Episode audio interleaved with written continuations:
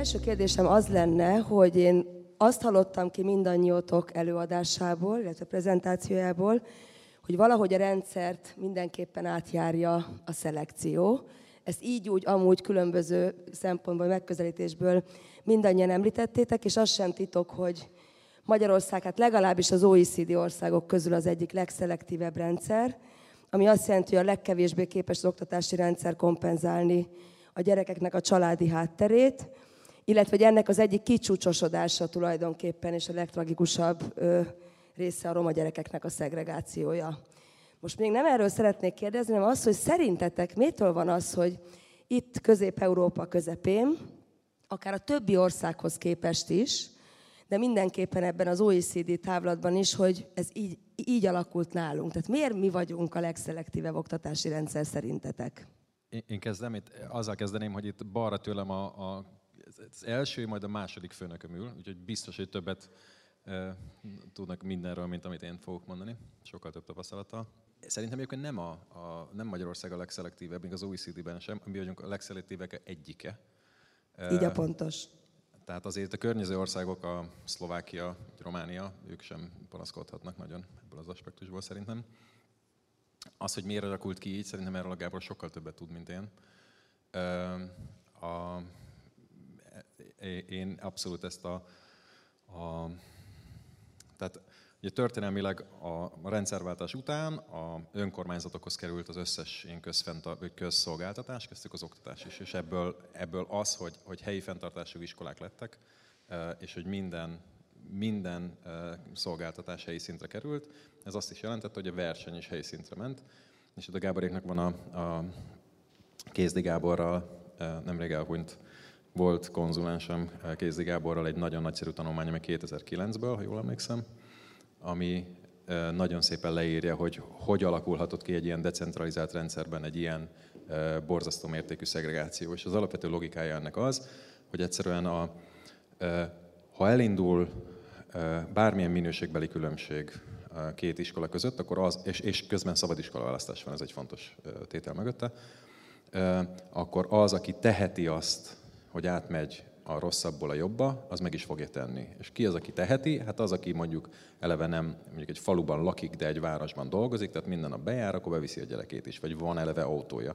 Tehát, hogy ha van egy ilyen lehetőség, hogy el tudjak menni egy másik helyre, akkor el is megyek, és ezáltal a kis települési falvakban egy, egy, egy erősen szelektált, majd később szegregált iskola alakul ki, és hát ez, orsz, ez rendszer szinten történik így meg. Mondom, ez a, a kettesi kézdi 2009-es közösségi szemlében ezt nagyon szépen tökéletesen le van írva adatokkal alátámasztva. Úgyhogy szerintem ez a, ez a fő logika mögötte. Azt gondolom, ma már, ma már szerintem nem ilyen, ma már nem ez van, tehát ez már eléggé beállt.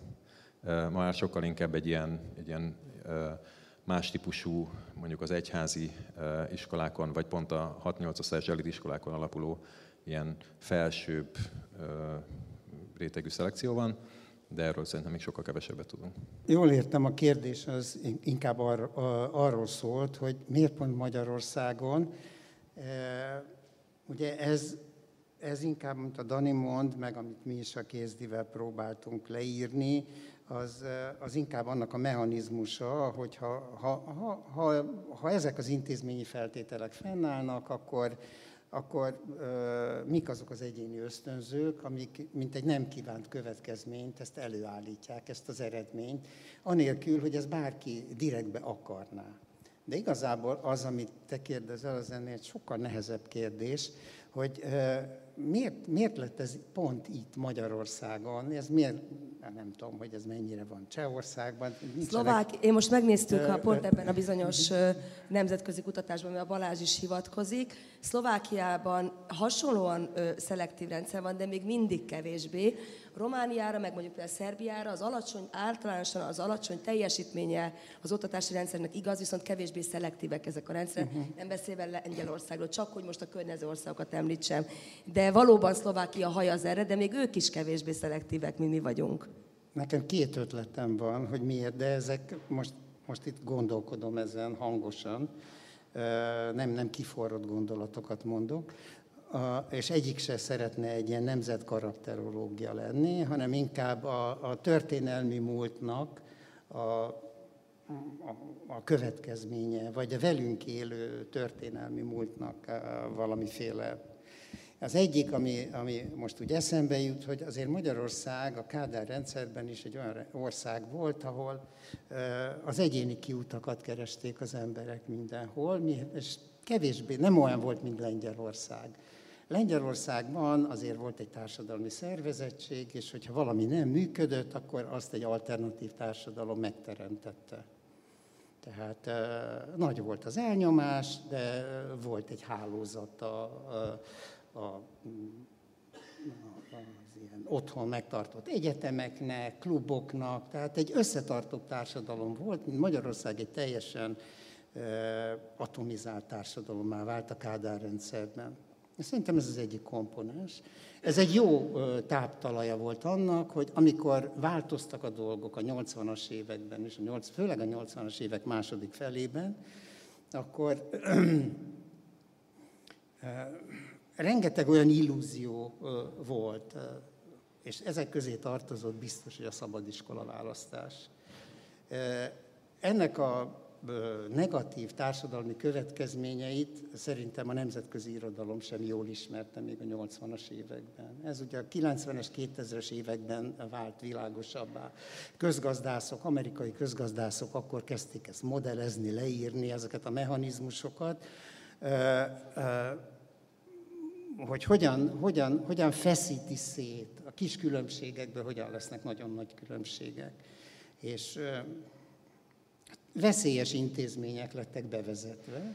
A szabad iskolaválasztás biztos, hogy egy nagyon veszélyes intézmény, és nem véletlen, hogy a legtöbb nyugat-európai vagy nyugati országban azért a domináns a, kötött iskolaválasztás rendszere, és azon belül kell megtalálni azokat a módokat, hogy mindenki jobb iskolához jusson és sokkal több tér marad egy, egy amolyan rendszerbe arra, hogyha a szülők elégedetlennek az iskola teljesítményével, akkor kiharcolják maguknak, akár lokálisan, akár országos szinten is, hogy jobb iskola rendszerhez jussanak.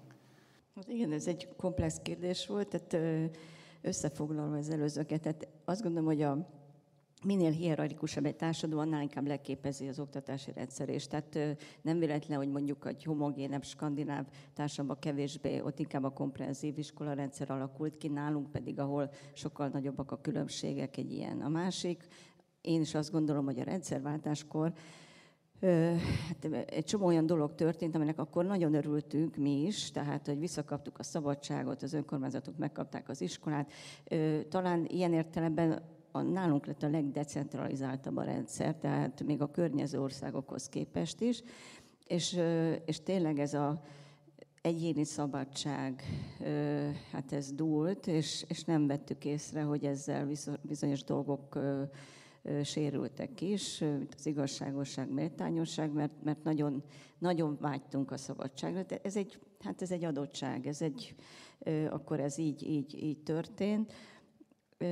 De harmadik pedig, ugye ez már részben ez az értékvizsgálatok, ugye ezt mutatják, hogy a, a magyar, magyar társadalom nagyon individualista és materialista, ugye a másik dimenzióban lesz közösségi vagy nem, nem materialista, és nagyon a szerbekhez hasonlítottunk, még annó, mikor ez indult. Most, most, most egyébként az olaszokhoz vagyunk legközelebb, de hogy itt van egy ilyen érték is a háttérben, és ezért az, az mindenkori elitnek is a magatartását hagyhozza, ami szerintem nagyon régi történelme van.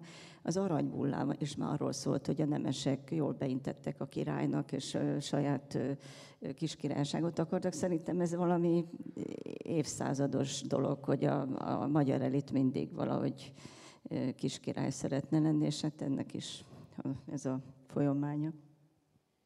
Ezt szintén említettétek, és igazából a következő kérdés szerintem kapcsolódik ehhez az előzőhöz, hogy, a, hogy valóban ennek a decentralizációnak annak idején láttuk a tényleg a, a, a rémes árát is, hiszen a nagyon egyenlőtlen erőforrásokkal bíró önkormányzatokhoz tartoztak a nagyon különböző iskolák, de hogy, de hogy ennek ellenére szerintem abban az időben, tehát itt a 2010 előtti időszakra gondolok, a szakmai autonómia megnyírbálását soha a fejünkben nem kötöttük volna össze ezzel a centralizáció, decentralizáció kérdésével, illetve azt is gondolom, hogy akkor is azt láttuk, hogy hiába volt szakmai autonómia, pláne mondjuk vidéki kisiskolák nagyon kevéssé tudtak élni ezzel a, ezzel a szabadságukkal, és nagyon nehezen tudtak mondani, nagyon nehezen, nem, nem nagyon volt nekik mondjuk önálló pedagógiai programjuk az iskoláknak, de kérdezem azt, hogy mégiscsak most így 12 vagy 10, 12 évvel a, a Fidesz kormára kerülése óta, hogy lehet, hogy le lehetett nyomni ezt a szintű centralizációt, illetve szakmai autonómiának a megfosztását tulajdonképpen a torkán ennek a, ennek, akár a pedagógusoknak, az egész oktatási rendszerben. Szóval, hogy mit gondoltak, hogy hogy lehetett ezt így keresztül vinni, anélkül, hogy igazi, a most az elmúlt időszakban lévő parasztlázadásokon vagy tanárlázadásokon kívül igazából nem sok minden ilyenről tudunk az elmúlt tíz évben. Tehát azért emlékezünk vissza, tehát 2010, ott ö, szinte finanszírozhatatlanná lett a, a közoktatási rendszer. Tehát, ö, tehát az, hogy akkor itt ö, ö, tankerületeket hoztak létre, az akár még jó ötlet is lehetett volna, ha másképp csinálják. Ugye pont a kerekasztal, amiben együtt dolgoztunk Gáborral, pont ez erről, hogy egy nagyobb, mérethatékonyabb iskola irányítási hát, szerkezet kéne, és lehet ez akár önkormányzati társulás, vagy járás, vagy, vagy tankerület, tehát hogy ez azért többféle megoldás is lehet. Tehát ez, ez nem volt a, az ördögtől való. A másik pedig igen, a 90-es években nagyon sok innováció volt, de akkor sem ment tovább ez, mint a 10% a pedagógusoknak. Ezt onnan lehet tudni például, hogy a, amikor helyi tanterveket lehet csinálni, akkor én meg az Okiban dolgoztam, és akkor az iskoláknak kb. 10%-a csinált saját tantervet. Akkor konstatáltuk, hogy úristen, gyorsan kell csinálni mint a tervet. Az egyébként eszünk, eszébe se jutott akkor, mert mindenki azt gondolta, hogy itt mindenki megcsinálja sajátját, de hát nem, nem volt mindenkinek erre erőforrása. 10% iskolának volt. Én mindig azt mondom, hogy ez az a ez az az innovációs arány, és a másik 90 százalék igenis igényli, hogy, hogy biztonságban, tehát hogy azt gondolom, hogy ez a 2010-ben nem hiszem, hogy ez így merült föl, hogy aztán most, hogy ez lett belőle, az meg hát szerintem ez a béka esete, aki lassan megfő a fazékba, tehát mindig, mindig késve veszük észre, hogy ez, ez már nem, nem oké. Okay. Nem tudom, nekem az jut eszembe, amit 2014-es választási kampányban az Erzsébet híd Pesti hídfőjén Bajnai Gordon elmondott, hogy csigolyánként törték el a magyar társadalom gerincét. Ez egy másik metaforája ugyanennek a dolognak. Én nem vagyok politikatudós, de vannak természetesen politikatudományi gondolataim a világról, és azt gondolom, hogy nem a pedagógiai autonómiát törték meg, hanem nagyon sok minden mást is. És önmagában a pedagógiai autonómiát, hogyha a politikai szabadságjogokat egy ország nem védi meg, nem lehet megvédeni. Ez egy csomag részét képezi. Vagy az egészet megvédi, darabonként nem lehet védelmezni, illetve most meglátjuk, hogy a tanárok mit, mit tudnak de azt gondolom, hogy ez a lényege.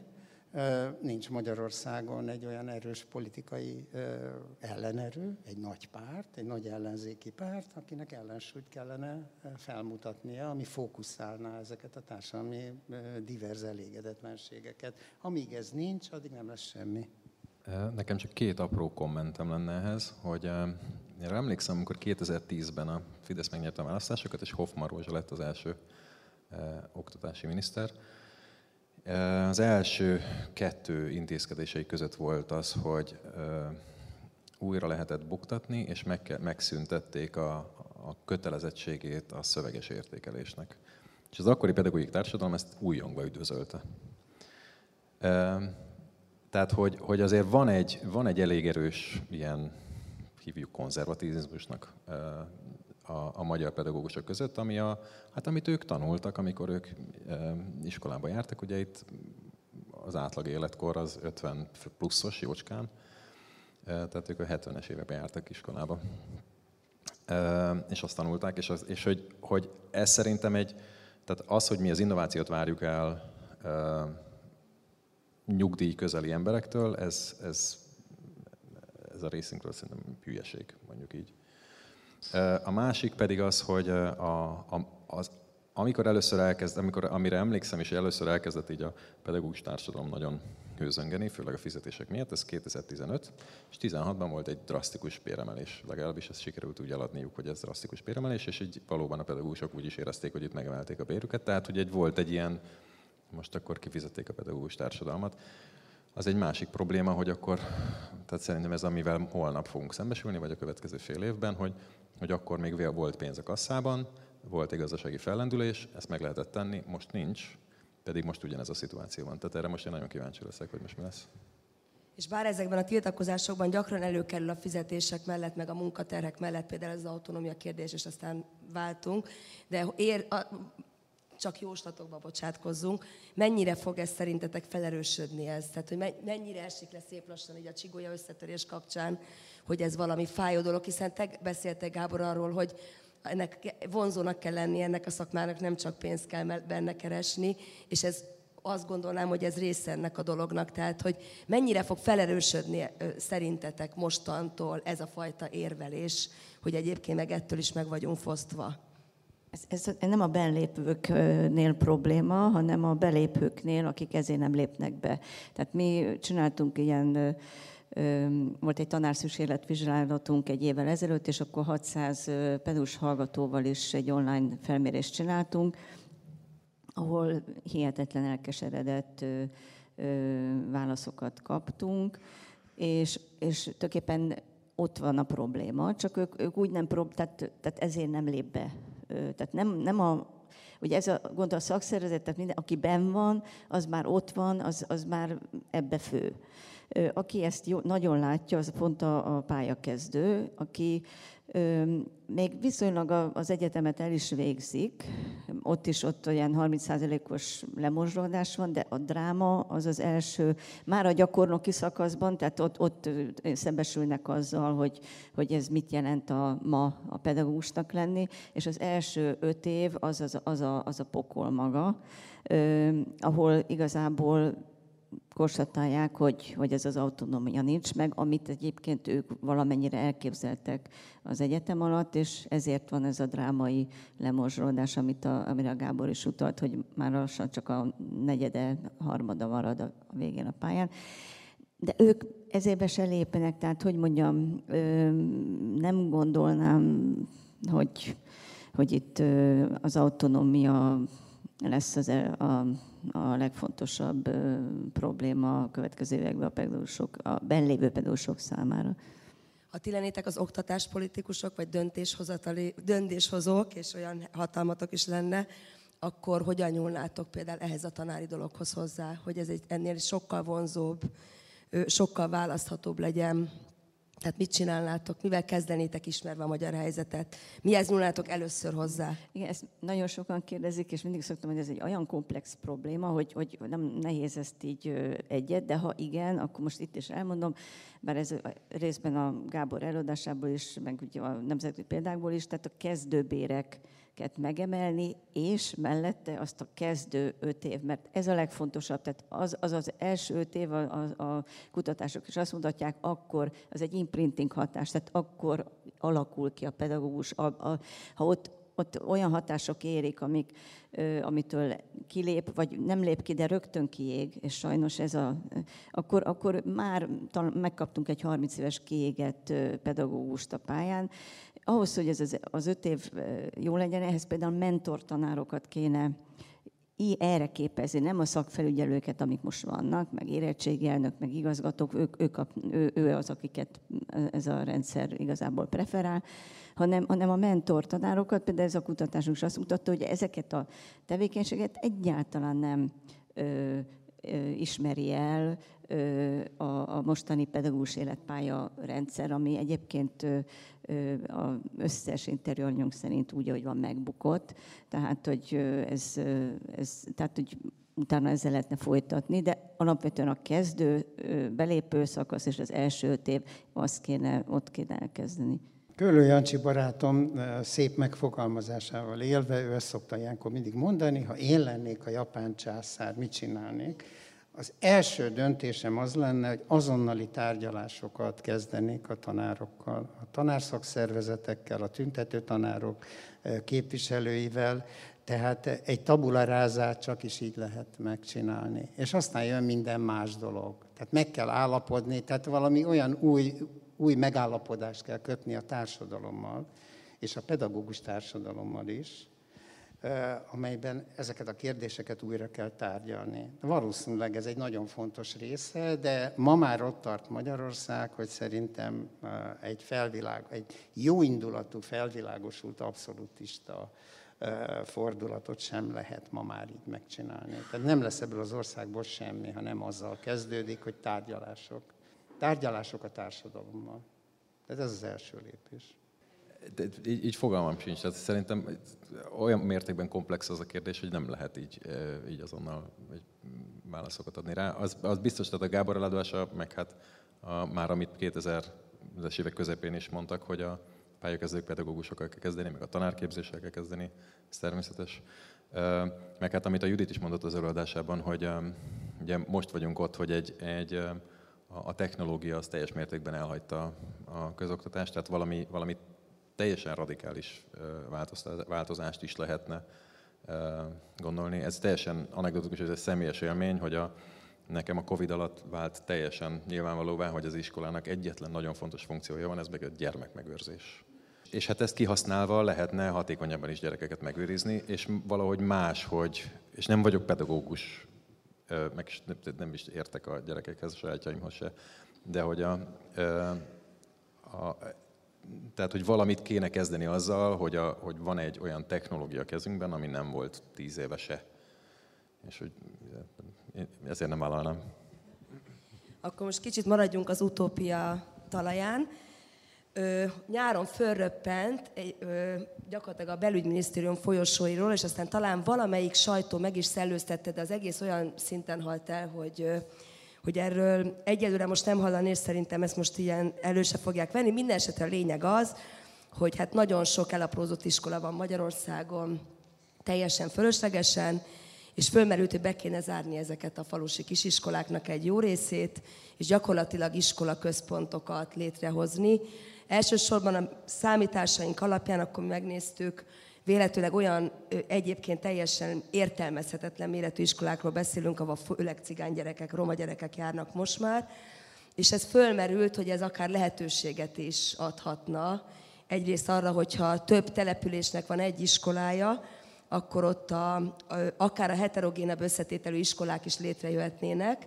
Másrészt ez valamiféle potenciált is jelenthetne, hogy ott valamit lehet csinálni, meg persze mindenféle veszélyt is. Hogyha ebből valóban lenne valami, ami egyébként itt most a rezsijárak elszabadulásával egy ilyen racionális döntésnek is tűnhetne, holott még nyáron nem ez volt az érvelés mellette, de mondom, hogy ez azóta így elhalni látszik ez a, ez a terv, vagy akkor legalábbis nagyon fű alatt van róla szó, hogy ti mit gondoltok, mit, tudná, mit, mit lehetne kezdeni egy ilyen helyzettel, mert szerintem ez egy állatorvosi ló.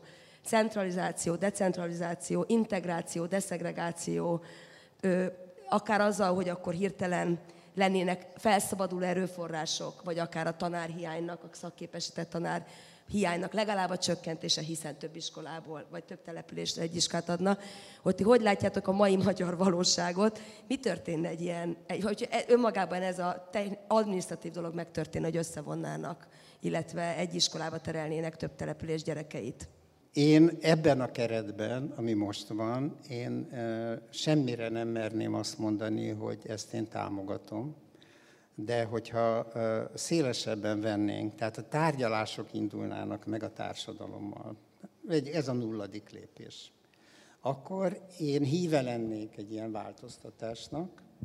Én azt gondolom, hogy ez a széttagolt kisiskolás rendszer, kisiskolák, sok kisiskolából is álló rendszer, ez nem fenntartható a gyerekek érdekeit is szolgálnánk, hogy jobb iskolákba, jobb és sokkal nagyobb iskolákba járjanak. Ennek millió feltételét biztosítani kell.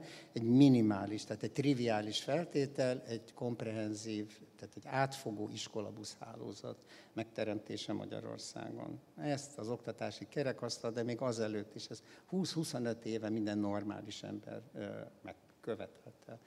Tehát egy iskolabusz hálózatra akkor is szükség lenne, hogyha ez a centralizáció, ez az összevonások nem történnének meg, mert például a szabad iskolaválasztás jelenleg is mindenki számára elvileg rendelkezés álló előnyeivel, azok, akiknek a közlekedés költségei, meg az elérhetőségek, meg a buszmenetrendek, és a többi, és a többi, ezek nem teszik lehetővé, hogy egy másik, egy távolabbi jobb iskolába járjanak.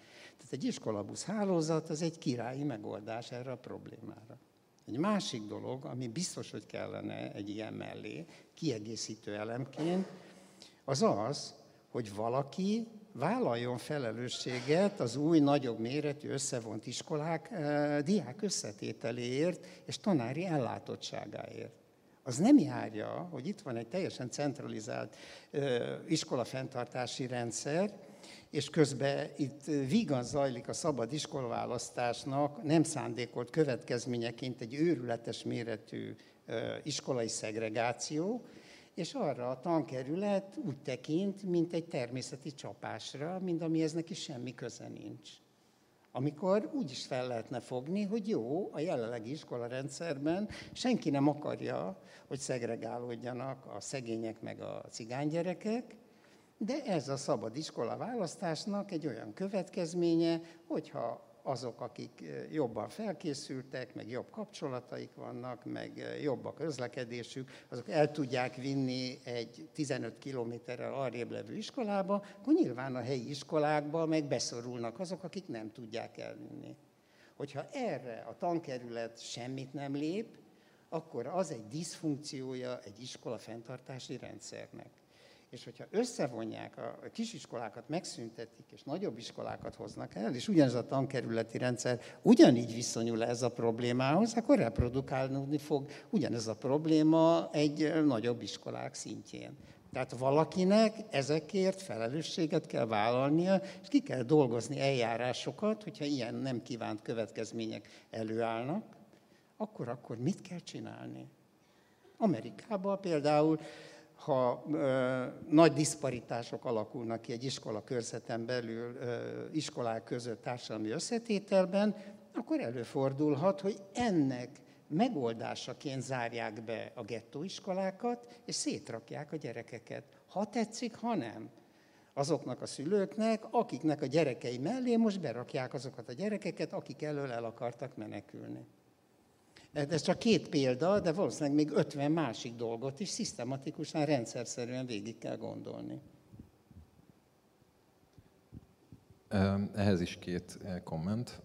Az egyik az, hogy hát konkrétan erről így nincs nagyon véleményem, nem ez volt az első kommentem, hanem az, hogy a, még Herman Zoltán kollégám csinálta, amikor még az Okiban Lanner Judit alatt dolgoztunk, egy olyan becslést, ami azt nézte meg, hogy az akkori, ez 2004-5 körül van, akkor is volt egy ilyen kisiskolai bezárási hullám, és hogy mennyit takaríthat meg a magyar államháztartás azáltal, hogy ezeket a kisiskolákat bezárja, és hát ilyen minimális. Tehát, hogy, hogy tényleg ilyen, az egész közoktatási költségvetésnek 1%-a alatti megtakarítás lett volna nagyon sok iskolának a bezárása, mert azok olyan picik és olyan kevés erőforrás. Tehát ugyan sokan vannak, de nagyon picik.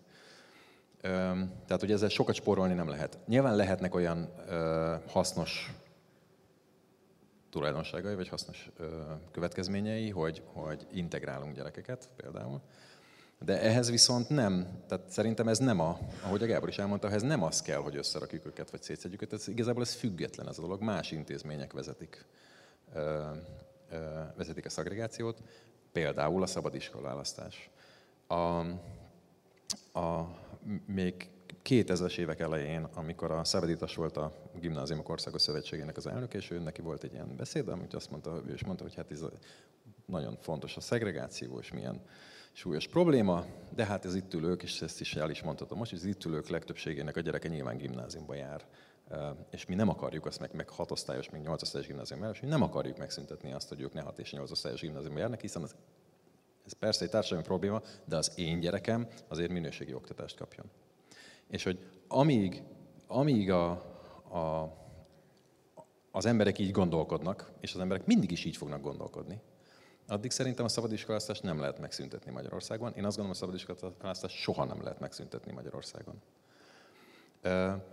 Olyan apró pici változásokkal mint például a, az azóta eltörölt, de nagyon fontos 66-os paragrafus volt a, a köznevelési törvényben, ami megszabta, hogy egy adott fenntartónak, ami akkor az önkormányzat volt, az iskoláiban nem lehetett nagyobb a hátrányos helyzetű tanulók különbsége, mint 25 százalék, és hogyha vagy önkormányzat, vagy egy iskola fenntartó ezt nem tartotta be, tehát az is nem lehetnek szegregált iskolái, mert hogyha voltak, akkor nem pályázhatott Európai Uniós pénzre. Ilyenekkel lehetett ösztönözni, és, és itt, a, itt ülő Bódis Lajossal csináltunk is egy ilyen felmérés szolnokon például, hogy volt egy évig meg nem kapott szolnok pénzt, és utána megoldották, hogy ez így legyen, különböző trükközések árán, ami külön viccesek. De hogy, hogy szerintem csak az önmagában, hogy azt mondjuk, hogy oké, bezárjuk a kisiskolákat, és akkor majd nagy iskolák lesznek, ez semmit nem old meg. Én annyiban vitatkoznék ezzel, hogy oké, okay, hogy költséget nem lehet megtakarítani olyan nagyot, de vannak az elmaradt haszon. Szóval szerintem újra kéne számolni ezt a dolgot, amit az Oli annak idén számolt, és be kéne vinni még más dimenziókat, mert szerintem ez így félrevisz. A másik, hogy a, a kis, mindig a kis falusi iskolákról van de nem csak ott van a probléma a városban is. Tehát ugye a TALIS adatok mutatják, ez ilyen hogy az átlagos iskola méret 600 fős, Európában nálunk 300. Tehát igazából ez a középfokon is probléma. A középfokú iskolánk is kicsik. Tehát, hogy itt most nem, ne, ne fixálódjunk le teljesen most csak a roma kisiskolákra, ez a mérethatékonyság, ez mindenütt probléma és emögött tényleg van egyfajta a különböző elitek elkülönélési vágyai, meg hát van egy olyan is, hogyha több iskola van, akkor több igazgatói poszt van, és attól nagyon nehéz megválni, tehát azért itt a rendszer is, és maguk a tanárok is ellenállnak a, ennek a, a változásnak. De az, hogy ugye a portugál példát mondtam, tehát az most egy kicsit erre hajaz, valóban ott volt gazdája az oktatásnak. Tehát, ahogy amit a Gábor mondott, tehát tényleg mondjuk most a tankerület tényleg egyszer transzparens gazdája legyen annak a iskola hálózatnak, ami ott van. Akkor az ő feladata, hogy azt optimálisan működtesse, hogy a ott működtesse, az valóban a szülőkkel, tanárokkal, tehát ott, ott kellenek tervek, és azokat meg kell beszélni a közösséggel. És nem, nem kell egyforma megoldás. Tehát akár az is lehet, hogy van, ahol mindenki azt szeretné, hogy legyen külön, mert fönn tudja tartani, jó lesz. Az is lehet, hogy nem kell egy intézménybe összemenni, hanem, mit tudom én, felváltva mennek, bicikliutakat csinálnak, és nem mondjuk nem iskolabuszt, és akkor egyik óra ott van, és akkor csak egy helyen kell labornak lenni, és akkor minden pénteken mindenki oda biciklizik be.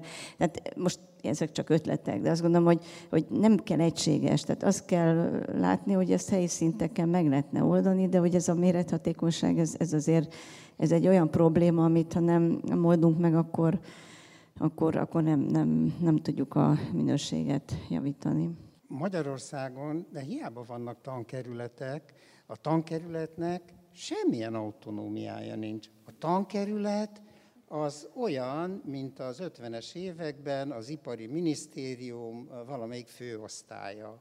Tehát egy tervlebontáson belül valamilyen feladatokat megold nem olyan, mint egy amerikai iskolakörzet superintendente, tehát egy, egy tankerületi vezetőnek Amerikában. Egyrészt van egy demokratikus felhatalmazása, őt a helyi közösség valamilyen szinten megválasztotta. Egy. Kettő, óriási hatalma van. Tehát ő nevezi ki az iskolaigazgatókat. Magyarországon mi történik? A klik nevezi ki. Tehát egy a klik nevezi ki. Az oktatási miniszter, ha lenne olyan, akkor az nevezné ki, tehát a miniszter nevezi ki az iskolaigazgatókat. A helyi tankerület vezetőjének nincs erre hatása. Az amerikai superintendent az a helyi iskolapolitika minőségének őre.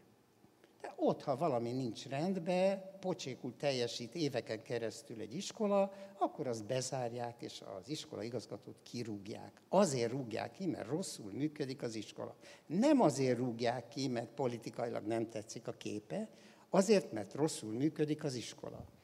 Ha úgy látja, hogy spontán, decentralizált folyamatok következtében jelentős diszparitások és szegregáció alakul ki, akkor összevonást és mindenféle dolgot, élet és halál ura. a tankerület vezetője. A mai, tan, a mai magyarországi tankerület vezetője az egy béna kacsa, nulla autoritása van, amikor most az történik, hogy a kölcseis tanárokat elbocsátják, vagy a Herman Otto gimnázium iskola igazgató, igazgató helyettesét leveszik a posztjáról, akkor nem egy autonóm döntés történik, hanem az történik, amit a miniszter megparancsol a helyi tankerületi vezetőnek, a tankerület vezető meg végrehajtja ezt a dolgot. Tehát amiről mi most beszélünk, a, a centralizált, vagy a, azt a fajta kvázi decentralizált rendszer, ez egy decentralizáltnak látszó rendszer, ami semmilyen előnyét, szervezeti előnyét nem viseli annak, hogy ilyen helyi intézményei vannak, azon belül egy tökéletesen centralizált katonai rendszer. Ebben semmifajta értelmes reformot nem lehet végrehajtani szerintem. Na és akkor elérkeztünk a legutolsó kérdésemhez. Azt, azt gondolom, hogy egy ilyen estét nem zárhatunk le anélkül, hogy ne beszéljünk hangsúlyosabban arról, ami szerintem a magyar oktatási rendszernek a legnagyobb drámája, a roma gyerekeknek a szegregációja, és nyilván itt még nagyon sok társadalmi csoport érintett, vagy sérül az oktatási rendszeren belül, gondoljunk csak azokra a gyerekekre, akik valamiért nem úgy fejlődnek, ahogy, a, ahogy azt az iskolarendszer elvárja, és hogy velük mi történik, de most azért maradjunk ennél a problémánál. És most azt a kérdést nem fogom föltenni, hogy mi tartja évtizedek óta a roma gyerekek szegregáciát fel, mert azt gondolom, hogy mindannyiótok előadásában implikálva volt valamennyire a válasz, természetesen nyugodtan kitérhettek. Én azt gondolom, hogy inkább megint gondolkozunk azon, hogy mi várható, hiszen a figyelembe vesszük azt, hogy demográfi, azokat a demográfiai trendeket, ami szerint a roma gyerekek, a tanköteleskorú roma gyerekek száma nő, és ameddig, ameddig ö, ezek a roma gyerekek olyan társadalmi helyzetben vannak, amilyenben vannak, tehát, hogy egyrészt az előítélet sújtja őket, másrészt iszonyatos szegénység, aluliskolázat, és ez egy ördögi körként nem engedi ki ebből a helyzetből a legtöbb ilyen családból származó gyereket, addig mit gondolunk erről az egész roma szegregációról? Tehát, hogy itt a jövőben nézve, a múltat is belekeverve. Én, én, én gyorsan, én, én majd Gábor szeretném hallani, mert szerintem ez nem egy oktatáspolitikai kérdés. Erről, erről a Kertesi Gábornak jelent meg egy pár mostani kutatás, amit kifejezetten nem az oktatásról szól, hanem annak, mi történik előtte. És szerintem, Gábor, ezt jobban el tudom. E, ez is a része a kérdés, de persze a szegregáció azért mégiscsak az oktatásnak a kérdése. Inkább úgy tenném fel a kérdést, hogy ugye a szegregációt is egy másik vetületben. Ugye most a szegregációt egy olyan ö, ö, nézőpontból kérdezed meg, hogy mivel szegregáltak, ezért rosszabb minőségű oktatáshoz fognak jutni. Mikrofon, mikrofon. Bocsánat. Rosszabb minőségű oktatáshoz fognak jutni, és a szegregáció ezen keresztül maga is hozzájárul ahhoz, ami egyébként is egy jelentős hátrány a roma gyerekeknek, egyszerűen a családi hátrányok, a, a szegénység és egyébből adódóan. Jó. Ez, ez igaz. De van egy másik része a történetnek, amiről nagyon kevesen beszélnek, és szerintem ez a része eh, legalább ilyen fontos, sőt, én azt érzem, hogy még fontosabb.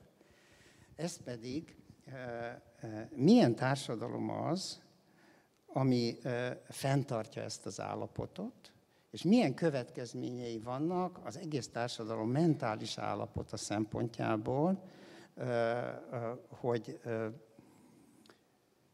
egy kicsit máshogyan fogalmaznám meg, akkor még máshogyabban. Ha közvéleménykutatási eredményeket nézzünk, országosan reprezentatív közvéleménykutatási eredményeket, akkor mm, ha azt a kérdést teszi fel egy közvéleménykutató cég, mondjuk a Tárki, és ezt a kérdést, most mondok két vagy három ilyen kérdést, ez szisztematikusan a 90-es évek végétől mondjuk a 2010-es évek elejéig rendszeresen a tár kiföltette különféle reprezentatív közvéleménykutatási adatokban. Ezek a kérdések tipikus előítéletkérdések. Milyen mértékben értenek egyet a következő állítással? Teljesen egyetértek, egyetértek, többé-kevésbé egyet, nem értek egyet, egyáltalán nem értek. Négy fokozatú skála. Most mondom ezeket az elképesztő durva előítélet kérdéseket. A bűnözés a cigányok vérében van. Kettő. Az indokolt, hogy a szórakozó helyekre nem engedik be a cigányokat, a társadalom béké, most nem szó szerint idézem, a társadalom békéjét a cigány lakosság részarányának növekedése alapjaiban veszélyezteti. Most egy szisztematikus, átlagos trend, 10-15 éven keresztül, most az országos adatokban az egyetértők aránya ezekkel a nagyon durva kérdésekkel 60 százalék környéke. Akik nagyon egyetértenek, 40. Most mivel lehet megtörni, tehát ez a társadalom túlnyomó többségének a, ez gondolja a cigányokról, hogy azok nem olyanok, mint mi vagyunk, azok másmilyen emberek, nem, nem szeretnénk velük egy iskolába, egy munkahelyen, egy kórházba, egy lakóhelyen, nem szeretnénk, ha a szomszédunkba beköltöznének. Ezeket mind nem szeretjük azért, mert ők nem olyanok, mint mi vagyunk. Tehát tulajdonképpen ez valamiféle nem állampolgári, hanem az emberi egyenlőség, minimumának nem elfogadását jelenti. Na most ez a privát szinten van. Tehát nem feltétlenül szükséges, hogy azok az emberek, akik azt gondolják, tehát egyetértenek ezekkel a durva sztereotípiákkal, azok mind agresszívek lennének, vagy, vagy, vagy kimutatnák a viselkedésükben, de mégis ezeknek rengeteg következménye látszik a társadalmi kimeneti változókon. Ezt látjuk a szegregációban. Nem arról van szó, hogy ezt direktbe intézik, el, elviszik a gyerekeiket onnan, ahol cigányok vannak. Nem akarnak egy munkahelyen együtt dolgozni. Egy nemrégiben készült tanulmányunkban ennek égen jelentős munkanélküliségi következményeit lehet megmutatni. Most hogyan lehet ezt a dolgot megtörni? Ez egy jó kérdés, egy nagyon-nagyon nehéz kérdés. És egészen biztos, hogy ennek a ennek a tömegérzületnek a, a, a, megtörésében, vagy hosszú távú, annak a lehetőségében, hogy hosszú távon ezek az érzelmek megrendüljenek, ebben az iskolának van kulcs szerepe. Most, tök mind, most ebből a szempontból egy kisebb jelentőségű kérdés az, hogy a szegregáció következtében azok, akik ennek az áldozatai rosszabb minőségű oktatást kapnak hanem hogy ez az érzületnek az általánosan magas szintjét azzal lehet megtörni, és erre vannak nagy társadalmi kísérletek, ugye kísérletet idézőjelben mondom, ez a legnagyobb ilyen társadalmi kísérlet, amit a világ lefolytatott, az az Egyesült Államok polgárjogi mozgalmai és deszegregációs törvényhozása, és annak a végigvitele 20 év amerikai történelmén.